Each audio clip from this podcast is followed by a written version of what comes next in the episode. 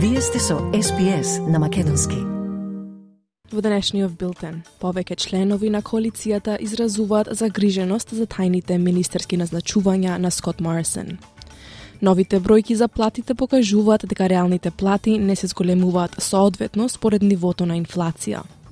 Препораките од Македонско-Бугарската комисија за историски и образовни прашања ќе се спроведат реципрочно во рок од две години, информира вице-премиерот за евроинтеграција на Македонија.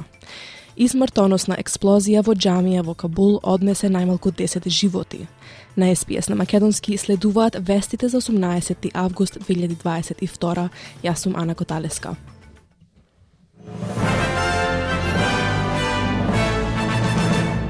Поранешната министерка Карен Андрюс вели дека поранешниот лидер Скот Морисон не и се јавил за да и се извини што тајно се заколнал во незината улога во Министерството за внатрешни работи.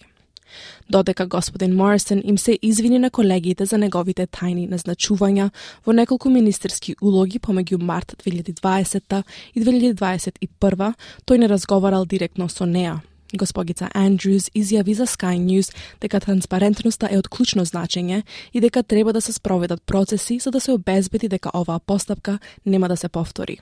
I still probably don't really understand the rationale behind it because if you look at putting in place uh, contingencies, that's always a good thing. Uh, to to do. So I would never have had an issue with contingencies put in, being put in place, but they needed to be done uh, in a in a manner that was transparent, Премиерот Антони Албанезе треба да се сретне со домородните старешини за време на неговата посета на Торес Стрейт, како дел од разговорите за да се воспостави домороден глас во парламентот.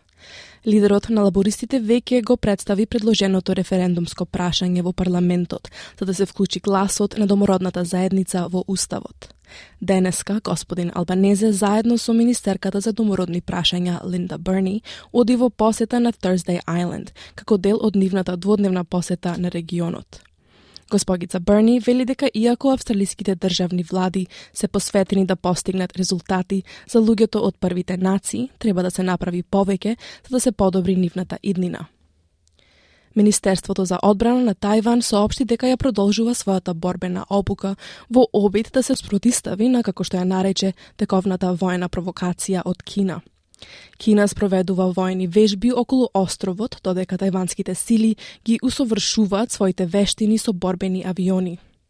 Пилотот Дженго Лин вели дека тензиите се зголемуваат во очекување на пресрет со кинеските борбени авиони.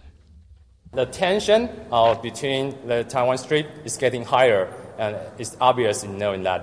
And, but that's still what we're training for, and it's what we're preparing for. So they come and uh, we rise, and so our scramble jet will never stop, and we will stop their uh, offender.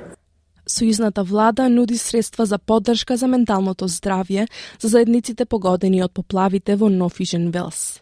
Извештајот за кризата со поплавите беше објавен вчера во Лизмор, кој предложи планови за нов орган за спречување катастрофи. Министерот за здравство, Марк Батлер, вели дека тековната траума што ја доживуваат жителите може да ја зголеми анксиозноста, посттрауматскиот стрес и семејното насилство. Премиерот на Нофижен Велс, Доминик Перетей, изјави за ABC дека владата прави се што може за да им помогне на жителите да се опорават од катастрофата. I was with people again yesterday. I've been up here numerous times. Uh, there's a lot of pain, there's a lot of hurt and suffering. Uh, but as a government, we're going to stand with the people of the Northern Rivers all the way through this uh, into the long term. Платите оваа година до јуни се зголемија за 2,6 од 100. Со стапката на инфлација на 6,1 од 100, новите бројки за платите објавени од Австралиското биро за статистика покажуваат дека реалните плати не се зголемуваат соодветно, што создава притисок врз буџетите на домакинствата. На тромесечна основа платите пораснаа за 0,7%, што е највисоката годишна стапка на раст на платите од септември 2014 година. Сојузниот благајник Джим Чамас вели дека престојниот самит за работа и вештини ќе ги реши овие предизвици кои ги погодуваат австралиските домакинства. Uh, we're pleased to see wages growth picking up again, but it's well short of inflation, and that means real wages are still going backwards substantially. So we've got wages growth picking up in welcome ways, uh, but real wages falling because of the inflation challenge uh, that we are currently dealing with. And so today uh, we are releasing, on behalf of the government, the issues paper, which will inform the discussion at the Jobs and Skills Summit.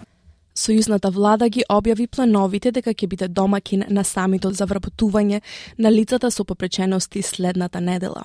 Самитот има за цел да ги подобри вештините и стапката на вработување за лицата со хендикеп и да ја отстрани дискриминацијата но лицата со посебни потреби изразуваат загриженост дека нивното искуство и натаму нема да наидува на слух. Од Центарот за борба против сиромаштијата велат дека системските пречки и нефлексибилниот систем на работните места се главните причини зошто стапките на вработеност за лицата со хендикеп се зголемиле само незначително во текот на последните децении. Експертите велат дека самитот за работа во септември мора да вклучи подобрено образование за деменција за работниците во старските домови. Тоа беше една од препораките во извештајот на Кралската комисија за нега на стари лица. Шефот на Деменција Australia, Мари Маккейб, вели дека секоја дискусија на самитот за капацитетот на работната сила за нега на стари лица мора да вклучува квалитетна нега и образование за деменција. Госпогица Мекейб вели дека образованието за деменција води до пониски стапки на високо ризични инциденти со жителите, пониски стапки на несодветна употреба на лекови и повисок морал на персоналот. Македонската влада нема датум кога препораките на историската комисија ќе се најдат на владина седница за утврдување. Вице-премиерот Бојан Маричик вели дека имале две години за имплементација, согласно билатералниот протокол кој го подпиша со Бугарија.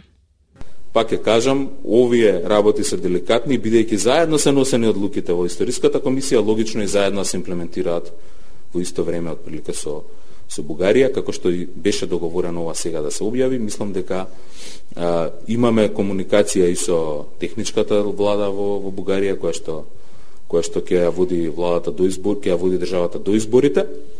Се разбира, ова со учебниците, рековме има рок од две години, имаме време за имплементација, има и процедури многу кои што треба да се направат, но нам ни е важно да, да тече таа дискусија и да има можност тоа резултатите од работата на историската комисија да бидат преточени во општеството без да се загрози нашиот идентитет. Одговарајќи на новинарски прашања, Маричик кажа дека евроинтеграцијата не зависи само од Македонија и не е добро да се лицитира со датуми, затоа што не може да се предвиди точно кога ќе се случи. Тој нагласи дека целта е Македонија да биде дел од првото наредно проширување на Европската Унија. И тоа е достижно ако се работи интензивно на имплементација на стандардите на Европската Унија и доколку преговорите се водат со ангажман на институциите и целото општество. Голема експлозија одекна во џамија во Афганистан за време на вечерната молитва, при што загинаа најмалку 10 лица. Одговорноста за нападот никој ја нема преземено, додека бројот на загинатите вклучува свештеник и членови на полицијата. Се верува дека силната експлозија ја извршил бомбаш самоубиец. Украинските власти спроведоа вежби за одговор по гранатирање на нуклеарната централа за порожје која е окупирана од Русија. Двете страни во конфликтот, односно Русија и Украина, меѓусебно ја префрлаат одговорноста за нападите во близина на објектот и за нивното учество во нуклеарен тероризам. Генералниот секретар на Обединетите нации Антонио Гутереш сака да се воспостави демилитаризирана зона околу централата. Украинскиот председател Володомир Зеленски ја повика руската армија да се повлече од територијата во близина на централата, велики дека Украина е подготвена да обезбеди соодветна контрола во име на Меѓународната агенција за атомска енергија. The Russian army must withdraw from the territory of the nuclear plant and all neighbouring areas and remove its military equipment from the power plant. This should happen without any conditions.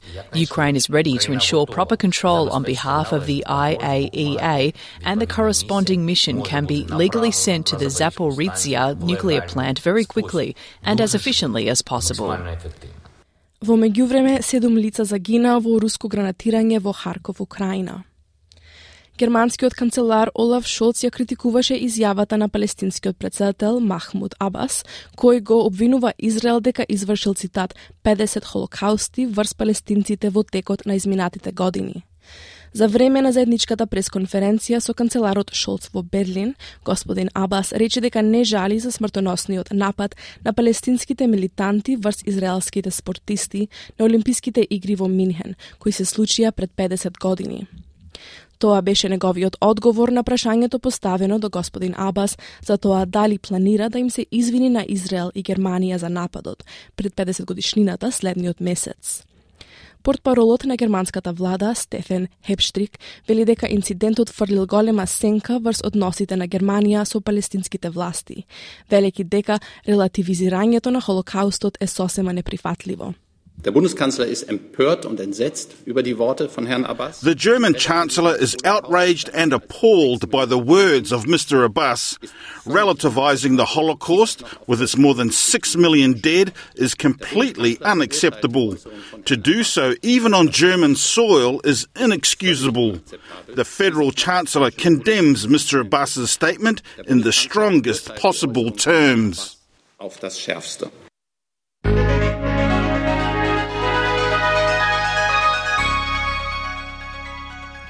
Од најновата курсна листа денеска еден австралиски долар се менува за 0,69 евро, 0,70 американски долари и 42,17 македонски денари. Додека еден американски долар се менува за 60,11 македонски денари, а едно евро за 61,6 македонски денари. И на кратко временската прогноза за главните градови за утре, петок 19 август. Облачно за Перт, максимално до 18 степени. Слаби повремени врнежи за Аделаид 15. Краткотрајни слаби врнежи и во Мелбурн 15 степени. Услови за дожд за Хобарт 14. Слаб повремен дожд во Канбера 15 степени. Краткотрајни слаби врнежи и за Сиднеј 19. Сончево во Брисбен 25 степени. Сончево во Дарвин 33 и за Елес Спрингс сончево 19 степени.